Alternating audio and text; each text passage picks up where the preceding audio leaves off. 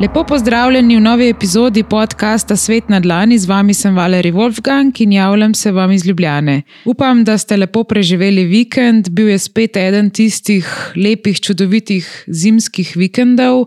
Lahko bi celo rekla, da je na okna potrkala pomlad, ker je bilo predvsem v gorah in hribih neke vrste pravo pomladno vzdušje, gre za inverzijo. Torej, v dolini smo imeli hladneje, kot je bilo nad 1500 metri, in uh, mnogi moji prijatelji no, so objavljali slike iz raznih višav, iz gora, res je bilo čudovito. Jaz, nažalost, nisem uspela iti eh, više od Šmarne gore. V nedeljo sem skočila včeraj uh, na Šmarno goro in mi je bilo res lepo zjutraj, da sem se borila z to jutranjo meglo in našla sonček na vrhu. Žal pa nisem imela energije za kaj daljšega in višjega, ker sem imela kar precej naporen teden in sem rekla, da tokrat pa ostajam bolj v dolini. Um, za današnji del podcasta, torej gre ponovno za solo epizodo, sem bila inspirirana, da v bistvu predstavim moj prispevek za novi zbornik, ki je izšel prejšnji teden v slovenski kinoteki z naslovom Mi gledamo film, film gleda nas. Urednici zbornika sta Anja Banko in Ana Šturem, so avtori pa so Nika Cvar, Oskar Banbrejc, Matijas Frej, Tara Judah, Marija Nikiforova, Ciril Oberstar, Martin Pogačar in Andrej Šprah. Zdaj ta zbornik je nastal zaradi tega, ker smo imeli letos na jesenski filmski šoli, ki se je odvijala v kinoteki in kinodvoru, zanimive diskusije, zanimive, kako bi lahko rekla, zanimiva predavanja na vsa ta področja prihodnosti filmske industrije. Tako da priporočam, da si zbornik eh, izposodite oziroma kupite, predvsem tisti, ki vas zanima ta prihodnost slovenske in tuje filmske industrije. Jaz sem, naprimer, v svojem prispevku, ki vam ga bom predstavila v današnjem delu govorila predvsem o tem, kako vsa ta tehnologija, o kateri pogosto govorim v, v tem podkastu, med drugim, recimo, kako umetna inteligenca in različne te podobne tehnologije vplivajo na prihodnost človeštva, pa tudi na sedanjost. V enem izmed delov sem že govorila o tem, kako lahko umetna inteligenca, naprimer, v turizmu dela razlike, več o tem bomo mogoče še v naslednjih delih se pogovorili, mogoče tudi s katerim od gostov. Dejstvo je, da to ni neka prihodnost, neka znanstvena fantastika, ampak da v vsakdanjem življenju opažam kar precej sprememb že na različnih področjih, recimo pri mojem delu, pa potem uh, vidim, kako vsa ta tehnologija vpliva tudi na vsebino novic, na vsebino medijev, ki jih spremljam. Uh, vidim, kako se eksponentno hitro v resnici razvijajo nove aplikacije, nove spletne strani, kako je naš svet že tako prepoln nekih informacij, vizualnih, predvsem v vsakdanjem življenju. In mislim, da bo zaradi teh orodij, ki seveda olajšajo delo in pohitrijo sisteme, da bo vse skupaj še veliko bolj divje v naslednjih uh, mesecih, letih. Predvsem pa mi je zanimivo, kako se trendi spreminjajo z meseca v mesec. Recimo, če je bilo še lansko leto 2023 fokusirano predvsem na razvoj nekih. Kako bi lahko rekla? Ja, lahko rečem, generativnih umetnih inteligenc, torej posebiti, ponotranjiti umetno inteligenco na nivo človeka, torej samozavedanja.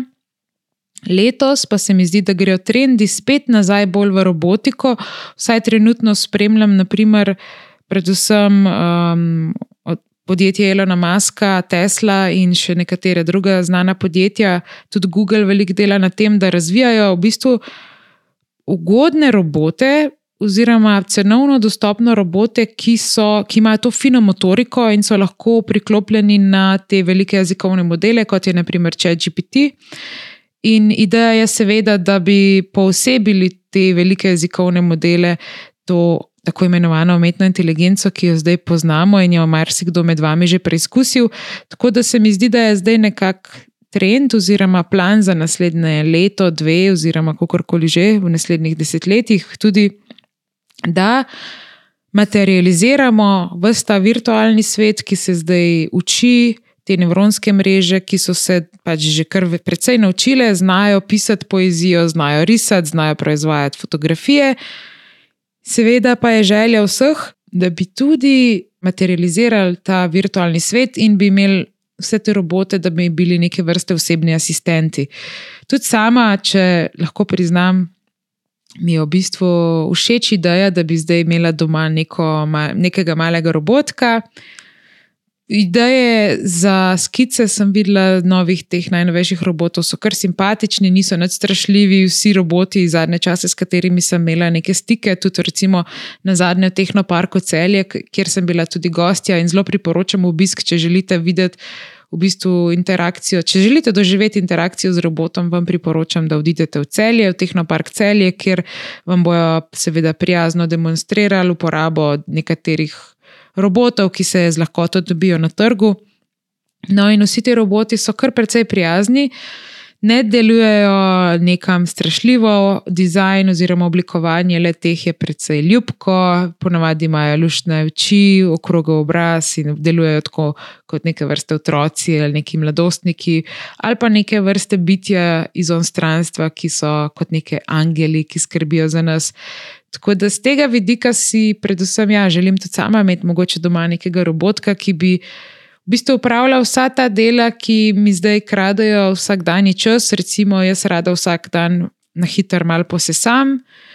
Nekateri že uporabljajo te rumbe, te okrogle male sesalce, to so v bistvu že robotki. Ampak super bi bilo imeti nekega robota, ki hodi po dveh nogah kot človek, da bi sesal, uporabljal sesalec, da ne bi v bistvu sesalec bil robot, ampak pa, da bi ta robot uporabljal sesalec. Potem pa bi, na primer, mi še skuhal, pospravil za mano, pomil okna, tla, vrata, ne vem, urejal pošto in te vse sprotne stvari, katere zdaj pač sama delam. In marsikdo med vami v sodelovanju s partnerjem, z otroki, z družino. Je pa super, če si lahko privoščimo nekega osebnega asistenta, ki je um, robot, ker seveda lahko najamemo hišnega pomočnika, hišno pomočnico, ampak ne vem, mogoče pa je čas, da ta dela prevzamajo res ti roboti in na nek način tudi meni je.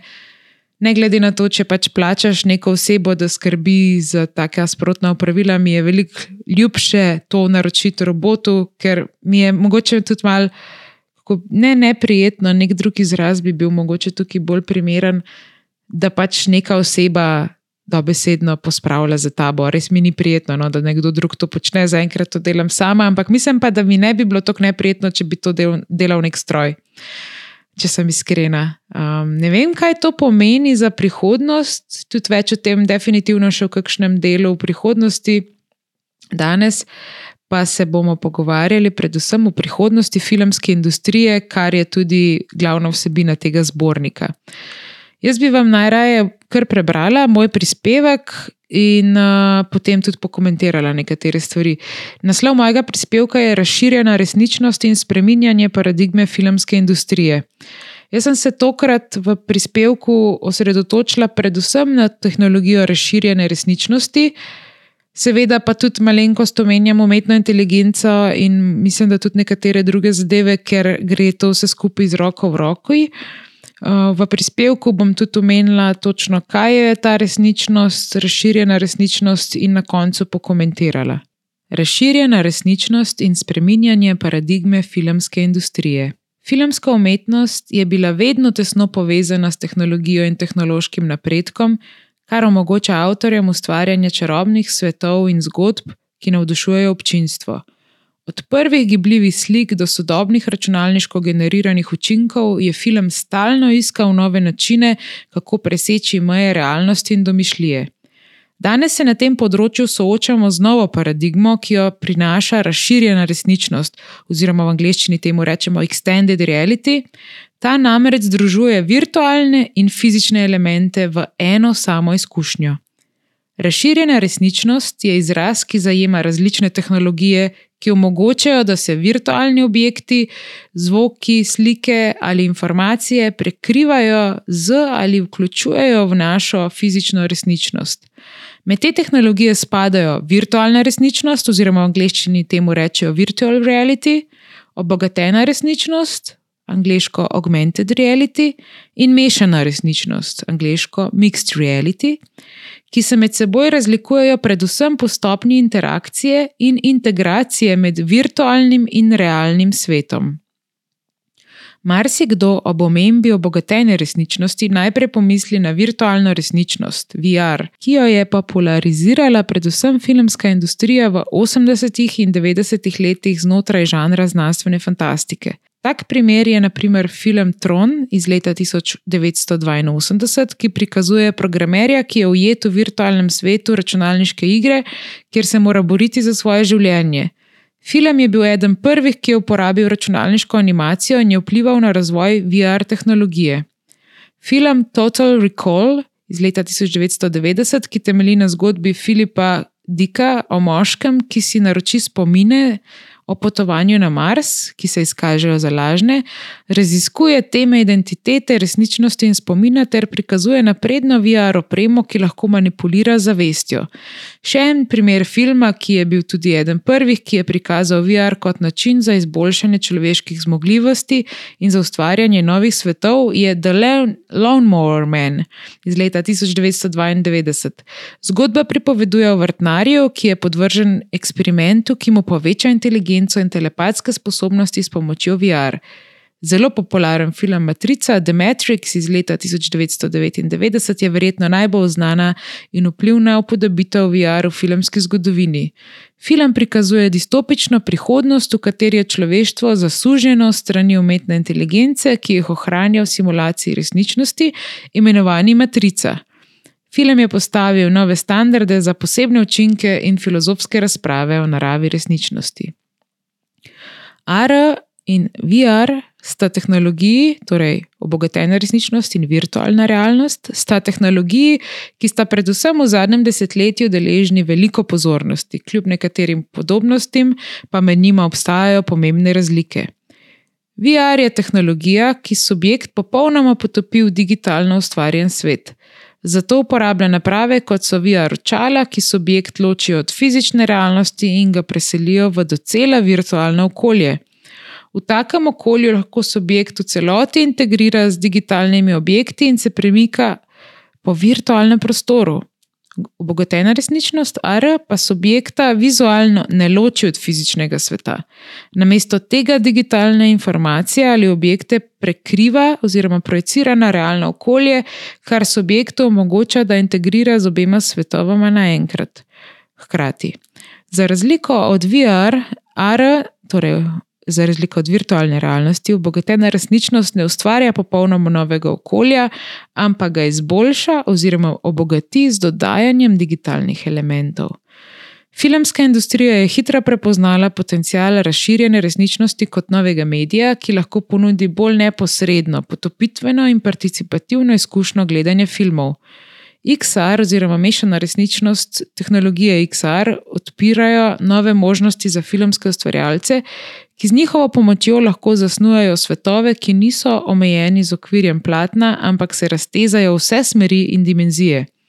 Gledalci v te svetove lahko vstopijo, jih raziskujejo, vplivajo na nje in celo so ustvarjajo zgodbe, ki se odvijajo v njih.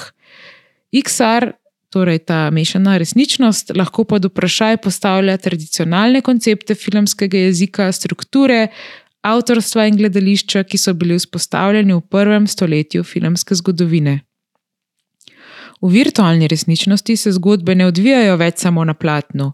Gledalci so povabljeni, da vstopijo v svetove, ki so jih prej lahko samo opazovali. Tukaj lahko izbirajo poti, sprejemajo odločitve in celo vplivajo na izid zgodbe. Filmski ustvarjalci se torej ne ukvarjajo več samo s tem, kaj povedati, ampak tudi s tem, kako to povedati, bo, oziroma kako povedati tako, da bo zgodba prilagodljiva in odzivna na gledalčevo interakcijo. Tudi razširjena in mešana resničnost spreminjata igro, saj digitalne slike in informacije integrirate v naše fizično okolje. Film Levi Kralj, The Lion King iz leta 2019 To ni ta animacija znana od uh, Disneyja, samo tukaj bom dodala, ampak ta priredba, ki je bila zdaj v kinih in v bistvu zgleda dosta realistično, kot da bi res gledali levčke v tisti uh, uh, savani. Sam to je moj dodatek, torej nadaljujem z branjem. Film Levi kralj je pionirski primer uporabe teh tehnologij. Režiser Jon Favru ne znam izgovoriti, je s tehnologijo virtualne produkcije ustvaril in režiral prizore v popolnoma digitaliziranem okolju, ki gledalcem omogoča, da doživijo svet filma na povsem nov način. Hkrati pa ta tehnologija tudi ustvarjalcem ter tehnični ekipi omogoča, da se produkcije filma lotijo s tradicionalnimi pristopi kot je naprimer premikanje filmske kamere ter ustvarjanje prizorov glede na premikanje akterjev, v kombinaciji s tako imenovanim nevidnim virtualnim svetom. Takšen sistem dela omogoča večjo svobodo ustvarjalcem na lokaciji, tehnologija pa ni samo podaljšek režiserjeve vizije, ampak orodje, ki spremeni dojemanje prostora in časa ter s tem naravo filmskega pripovedništva. Ti tehnološki napredki filmske ustvarjalce postavljajo pred nove izzive, hkrati pa odpirajo vprašanje o tem, kaj pripovedništvo sploh je. Ali je pripoved zgolj zaporedje dogodkov, ki se razvija pred gledalcem, ali pa gre za vzajemno izkušnjo, kjer gledalec postane soavtor zgodbe. Ali lahko ustvarjalci in tehnologi združijo moči, da bi pripovedovali zgodbe, ki so hkrati osebno relevantne in široko dostopne. Mešana resničnost zagotovo preizkuša meje narativne koherence in enotnosti.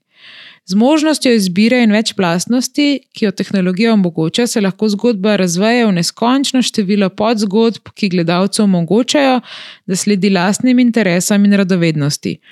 Takšen način doživljanja filma vodi v povsem nove vrste izkušenj, kjer je vsak ogled edinstven in prilagojen osebnim preferencam posameznika.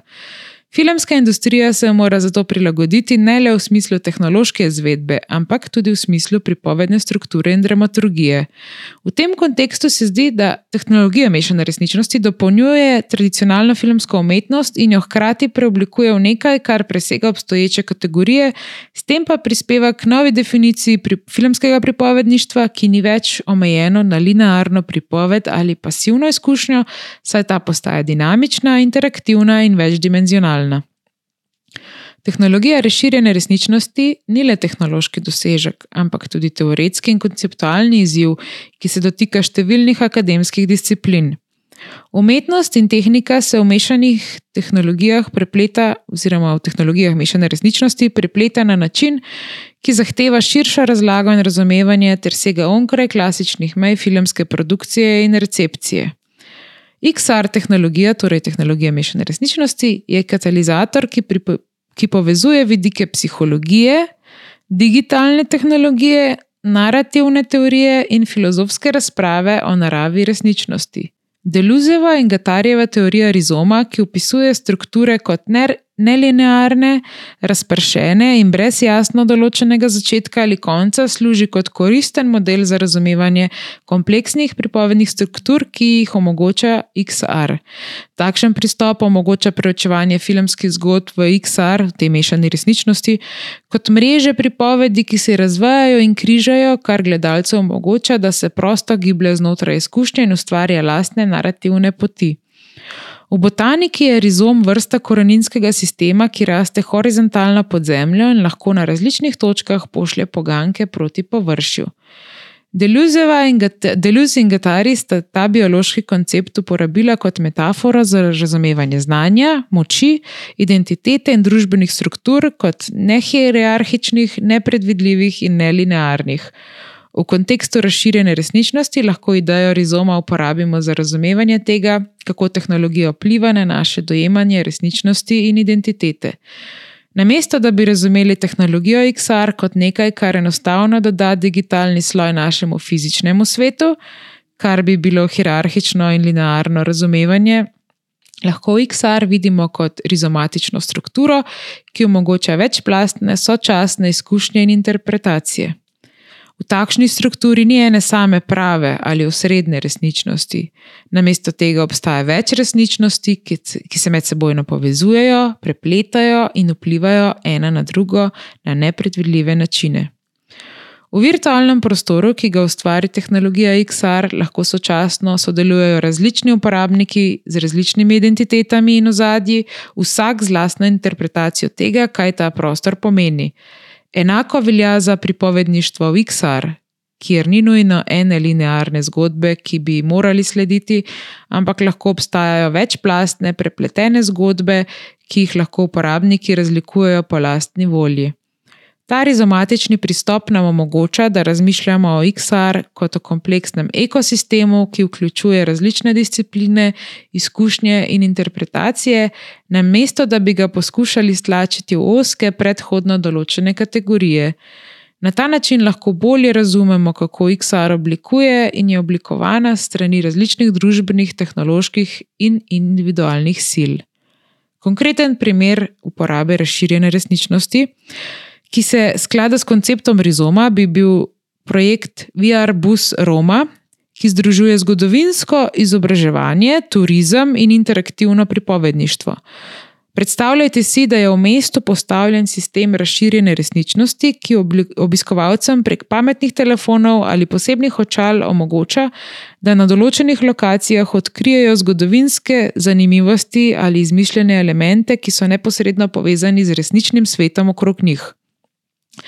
Tak projekt razširjene resničnosti lahko vključuje različne ravni izkušenj in interpretacij, ki se prepletajo na nepredvidljive načine. Naprimer, na eni lokaciji se lahko obiskovalci naučijo o zgodovini mesta skozi XR vodnik, na drugi pa lahko vstopijo v izmišljeno zgodbo, ki se dogaja v istem prostoru. Nekateri obiskovalci bi lahko sledili zgolj izobraževalni poti, drugi pa bi se morda potopili v izmišljeno zgodbo ali pa celo ustvarili svoje lastne poti skozi mešanico obeh. Rizomatična struktura omogoča, da projekt postane več kot le izobraževalna ali zabavna platforma. Postane živ ekosistem različnih zgodb, izkušenj in interpretacij, ki jih obiskovalci lahko raziskujejo na več načinov.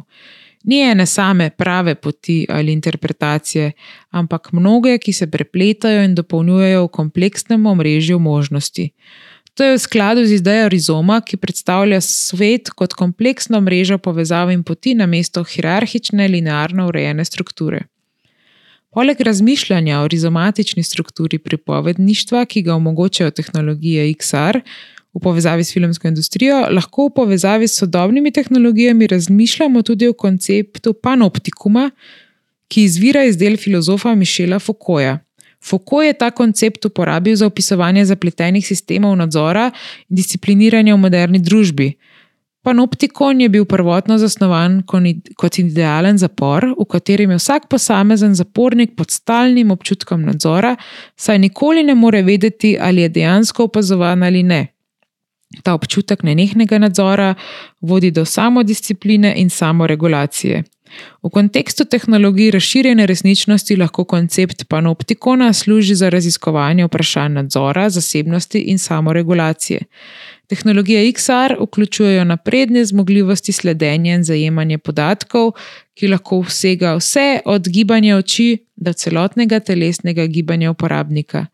Tako kot v panoptikonu lahko ta zmožnost sledenja ustvari občutek stalnega nadzora, kar vpliva na vedenje uporabnika. XR pa lahko služi tudi kot platforma za še bolj sofisticiran in neopazen nadzor.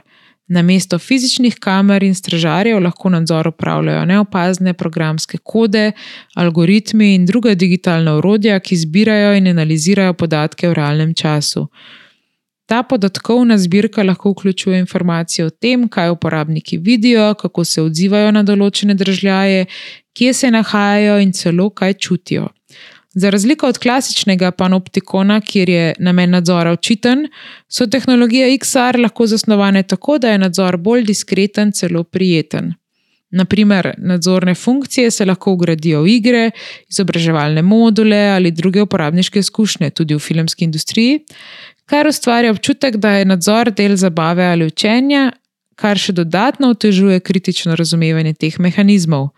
Zaradi tega koncepta panoptikona v kontekstu XR in prihodnosti filmske industrije, tudi serij in televizijskih vsebin, odpira številna etična in družbena vprašanja.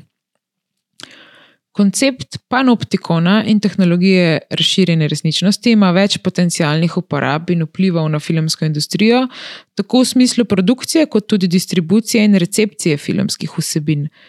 Na strani produkcije bi tehnologija XR lahko omogočila ustvarjanje filmov in vsebin, ki so bolj interaktivni in prilagodljivi glede na gledalca, a ta ista tehnologija bi v tem primeru zbirala podatke o gledalcih, da bi bolje razumela, kaj jih pritegne ali zanima. Ta vrsta nadzora nad gledalčevim odzivi bi lahko pripeljala do bolj ciljno usmerjenih in komercialno uspešnih filmov, vendar pa prinaša tudi etične dileme glede zasebnosti in avtonomije gledalcev. Na strani distribucije in recepcije bi tehnologije, kot so razširjena resničnost, lahko spremenile, kako in kje gledamo filme. Z razširjeno resničnostjo bi lahko dodali kontekstualne informacije, oglase ali socialne interakcije neposredno v filmsko izkušnjo. Medtem ko bi lahko obogatilo, to lahko obogatilo izkušnjo, bi lahko tudi služilo kot sredstvo za nadzor nad tem, kako, kdaj in zakaj ljudje gledajo določene vsebine. Takšen potencial za nadzor in zbiranje podatkov lahko pripelje do situacije, ki je zelo podobna panoptikonu, kjer se gledalci nenehno zavedajo možnosti, da so opazovani ali analizirani. To pa bi lahko vplivalo na to, kako izbirajo in dojemajo filme, morda celo bi, morda bi to celo vodilo do neke vrste samocenzure ali samoregulacije pri izbiri, kaj bodo gledali. Za filmsko industrijo to odpira vrsta etičnih in poslovnih vprašanj. Ali je etično sprejemljivo izbirati in uporabiti podatke gledalcev na ta način? Kakšen vpliv bi to lahko imelo na umetniško integriteto filma? Ali bi to pripeljalo do večje homogenizacije filmskih vsebin, saj bi se industrija osredotočila na produkcijo filmov, ki so bolj varni z vidika komercialne uspešnosti. V vsakem primeru je jasno, da tehnologije razširjene resničnosti in koncept panoptikona odpirajo nove možnosti in izzive za filmsko industrijo, ki bodo verjetno vplivali na to, kako filme izdelujemo, distribuiramo in dojemamo. Postmodernistični teoretski pristopi, kot je Lyotardova kritika velikih zgodb in podarek na mikropripovedih, so prav tako relevantni v kontekstu razširjene resničnosti. XR tehnologija namreč omogoča ustvarjanje večplastnih zgodb, ki lahko služijo raznolikim interesom in identitetam posameznikov. To pa vodi v pluralizem pripoved, pripovednih izkušenj, kjer vsak posameznik ustvarja in interpretira zgodbo na svoj način. Interdisciplinarna narava XR predstavlja izziv tradicionalnim filmskim praksam in zahteva novo obliko analize, ki lahko obravnava njeno kompleksnost in dinamiko. Pomemben razmislek ob uporabi XR tehnologij, ki se uporabljajo za ustvarjanje filmskih vsebin, so tudi etični izzivi. Eno od ključnih etičnih vprašanj, ki se pojavljajo v zvezi z XR, je varovanje zasebnosti. Kako lahko zagotovimo, da so osebni podatki, ki jih XR aplikacije zbirajo, od lokacijskih podatkov do biometričnih podatkov, ki razkrivajo naše zdravstveno stanje, varno hranjeni in uporabljeni v skladu z našimi pravicami do zasebnosti? Ta tehnologija ni samo način za pripovedovanje zgodb, ampak tudi možno orodje za množično nadzorovanje, kar ustvarja možnost za zlorabe. Pomembno vprašanje je tudi vpliv tehnologije XR na družbene vezi in občutek pripadnosti. Kako bo uporaba tehnologije, ki tudi radikalno spreminja naše zaznavanje realnosti, vplivala na naše medsebojne odnose? Ali lahko povzroči osamljenost, ali pa bo nasprotno omogočila nove načine za pripovedovanje zgodbe?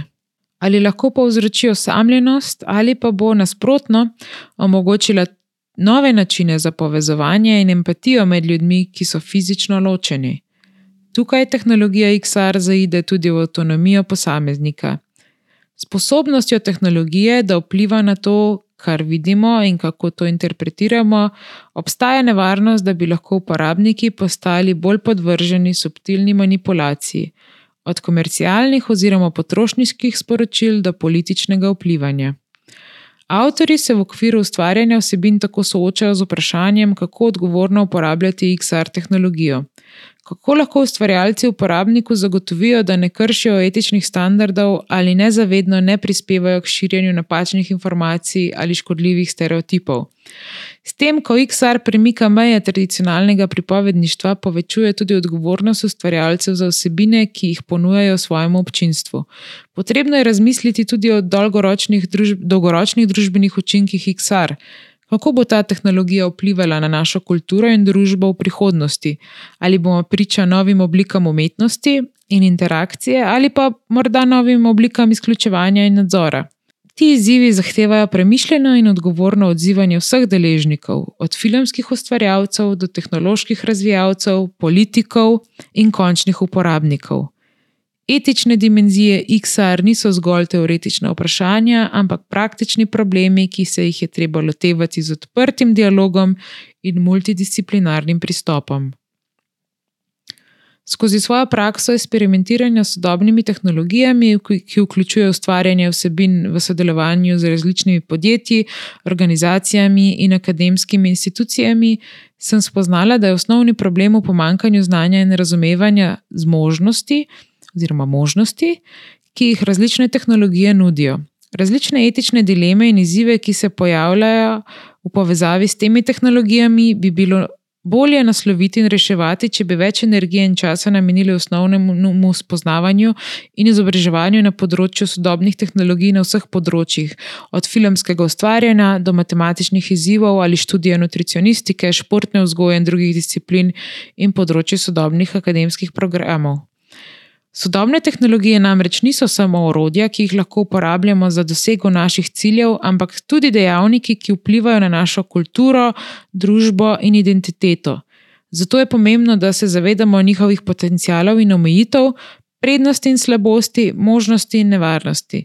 Le tako lahko odgovorno in kritično uporabljamo tehnologije, ki nam omogočajo nove načine izražanja, komuniciranja in sodelovanja.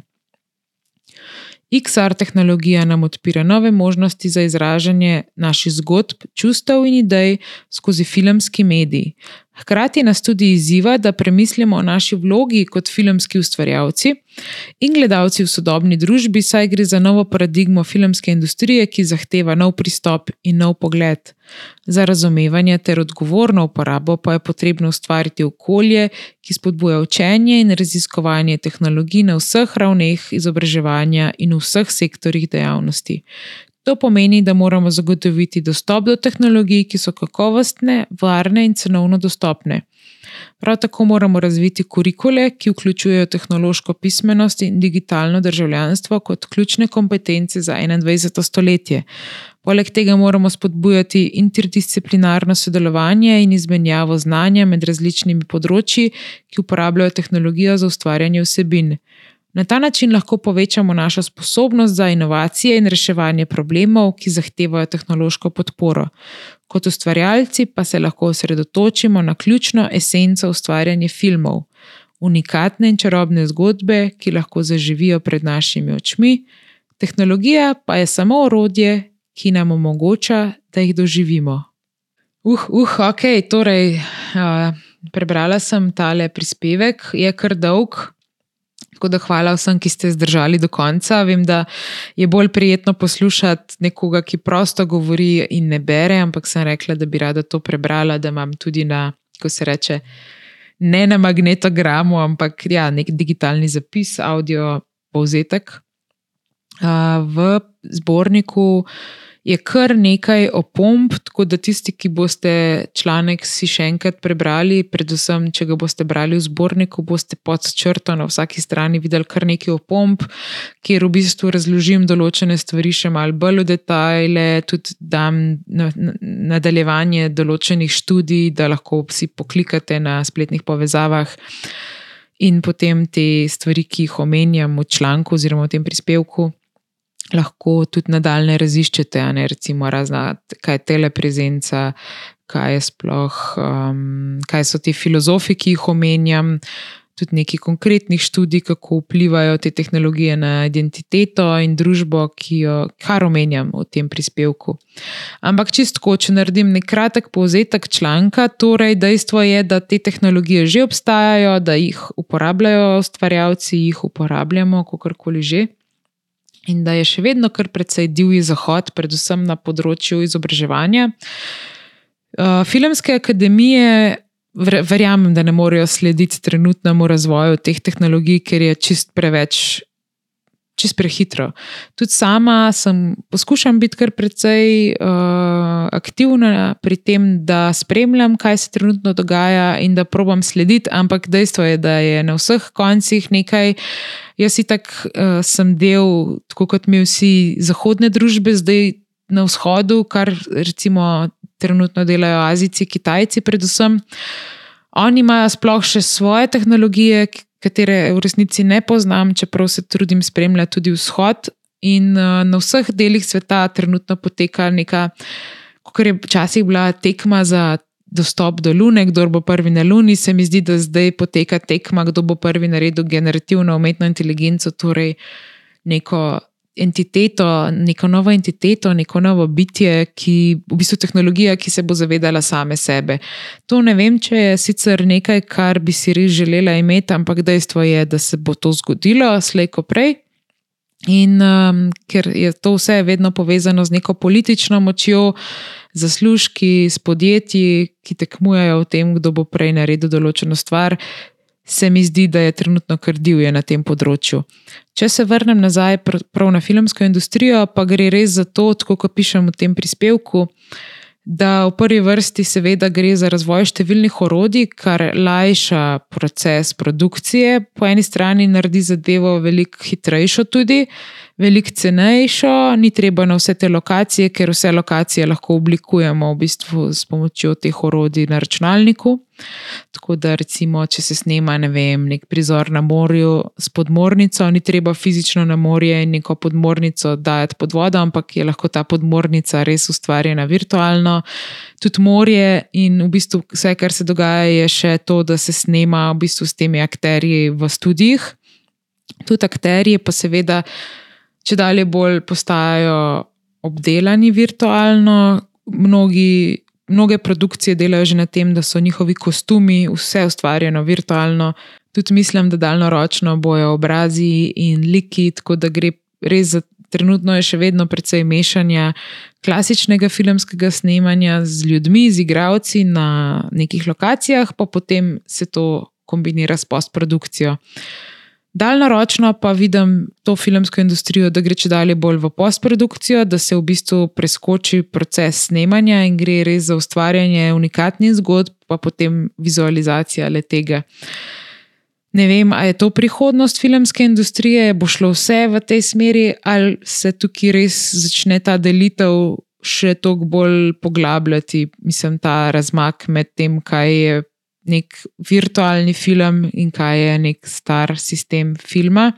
Jaz osebno še vedno rada zelo pogledam neke filme, ki so posneti skoraj da brez nekih posebnih efektov, pač vedno se dela neka barvna korekcija in te malenkosti, ampak zelo imam rada neke take intimne filme. Kjer je v spredju zgodba, kjer je neka življenjska zadeva, tako da drame, trilerji, take zadeve so mi všeč, kjer se ne dogaja pretirano na efektih, v nekih imaginarnih, fantazijskih prostorih, ampak to je samo stvar okusa. In zdaj je tudi v tem prispevku veliko menjam o tem, da kak, gled, vsi filmi in vsebine, ki se bodo v prihodnosti ustvarjali, bodo precej vezani na to, v katero smer grejo trendi. Torej, recimo, če dam za primer Netflix, Netflix seveda. In tudi ostale platforme gledajo, kaj ljudje klikajo, kaj je tisto, kar je najbolj popularno, in na podlagi tega tudi mi je čisto jasno, da pač odločajo tudi oni, kam bo šel denar, uh, kako bojo drugo leto razdelili sredstva. In če bomo zdaj vsi gledali konstantno neke fantazijske filme, je dejstvo, da bo večina filmov bilo fantazijskih, ker bojo vsaj te platforme določile, da si želijo, seveda producirati izdelke, ki bojo gledani. Tako da samo upam, da ne bo šlo čisto vse samo v komercializacijo in da bo še vedno prostor za določene, kako bi lahko rekla, alternativne oblike filma. Ampak glede na to, kako spremljam cel razvoj in tudi zgodovinsko, če gledam za nazaj, bo vedno prostor za neke alternativne ustvarjanja. Tako da Vsaj še dokler bomo res ljudje in ne bomo že od rojstva neki kiborgi, mislim, da se nam ni zabat. Uh, predvsem pa vedno poudarjam, tako če na kakšnih konferencah govorim o tem, da je predvsem odvisno tudi od nas samih, torej kaj si mi sploh želimo.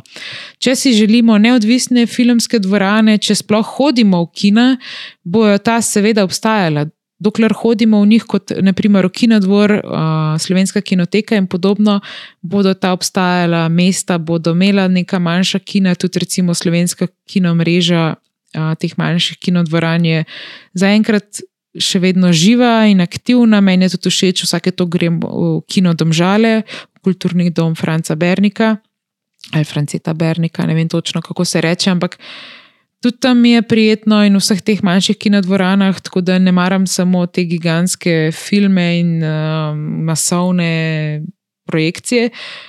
Rada pa tudi, seveda, pogledam film doma na mojem kavču, kjer neizmerno uživam. Tako da, dokler imamo določene želje, bojo stvari tekle v tej smeri, ko pa bomo enkrat mogoče prepustili vse svoje strasti, vse svoje želje tehnologiji, kar upam, da se ne bo zgodilo, ampak bomo videli, ko se pojavi generativna umetna inteligenca.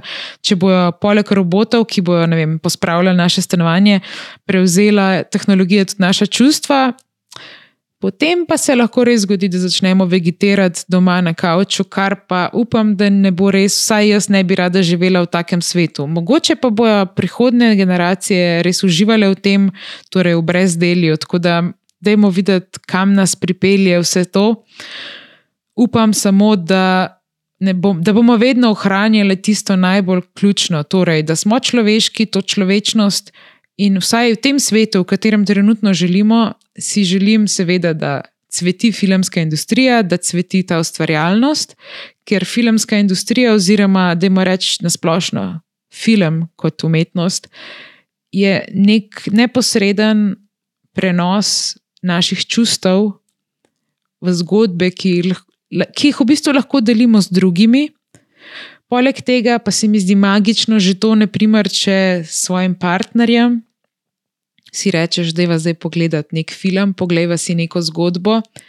In ta trenutek, ki se pač odvija pred našimi očmi, torej ogled filma z, nekim, z osebo, ki jo imamo radi in ki nas ima rada, to je tista čarovnija. Ki vsaj meni osebno ogromno pomeni pri filmu, mogoče imam film tudi zato rada, ker vem, da mi film kot sredstvo, torej ne vem, uro pa pol dolg film, mi da neke vrste to časovno kapsulo, kjer se lahko s partnerjem potopimo v neko zgodbo, hkrati pa uživam v družbi s partnerjem. Um, tako da že z tega vidika se mi zdi film čaroben. Seveda lahko doživljamo film tudi sami, je čas za nas, zato da se pre, prepustimo nekim čustvom, lahko z družino, da se zbližamo.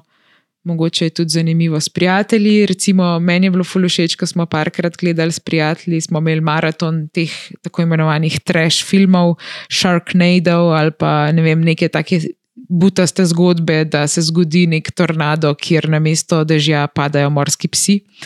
In smo se neizmerno zabavali, režali, jedli, imeli večerjo, no, res magičen moment ki ga mogoče umetna inteligenca sama po sebi ne more ustvariti, ampak ga ustvarjamo, so ljudje, družba, torej ljudje, ki so okrog nas in mi sami. In kljub temu, da ogromno govorim v svojih predavanjih in vsem skupaj o prihodnosti neke filmske industrije, se vedno preveč osredotočamo na te tehnologije, mogoče se premalo na to, kaj film in gledanje filmov, kaj nam pa poleg vsega nudi in kako sploh gledamo filme. Tako da naslov zbornika, mi gledamo film, film gleda nas, je neke vrste, do, lahko bi rekla, dobesedno ogledalo. Ki si ga postavljamo. Tako da res priporočam, no, da si preberete ta zbornik, poleg tega pa da povabite nekoga, torej bi lahko kar rekla vašo simpatijo, vašega partnerja, vašo prijateljico, prijatelja, naslednjič v kino in ponovno doživite ne samo film na platnu, ampak to čudovito družbo in delite izkušnjo gledanja neke čudovite zgodbe v dvoje oziroma z družbo. Zdaj pa vam želim čudovit ponedeljek, zima je še vedno tu, upam, da bo čim več sončka, hkrati pa upam, da tudi ne preveč. Saj se mi zdi, da je bila letos zima zaenkrat kar kratka in upam, da še bo pokazala svoje zobe, če lahko temu tako rečem. Ker ne samo, da bomo pač doživeli to zimo, tako kot se spodobi, ampak tudi narava bo hvaležna, da ima prostor in čas, da si lahko odpočije, da se lahko tudi narava regenerira. In vse živali, ki so vajene zimskih časov, da bodo ponovno lahko bile nekako v koraku z zgodbo narave. Tudi to je neke vrste film. Tako da lepo nedeljek in uživajte!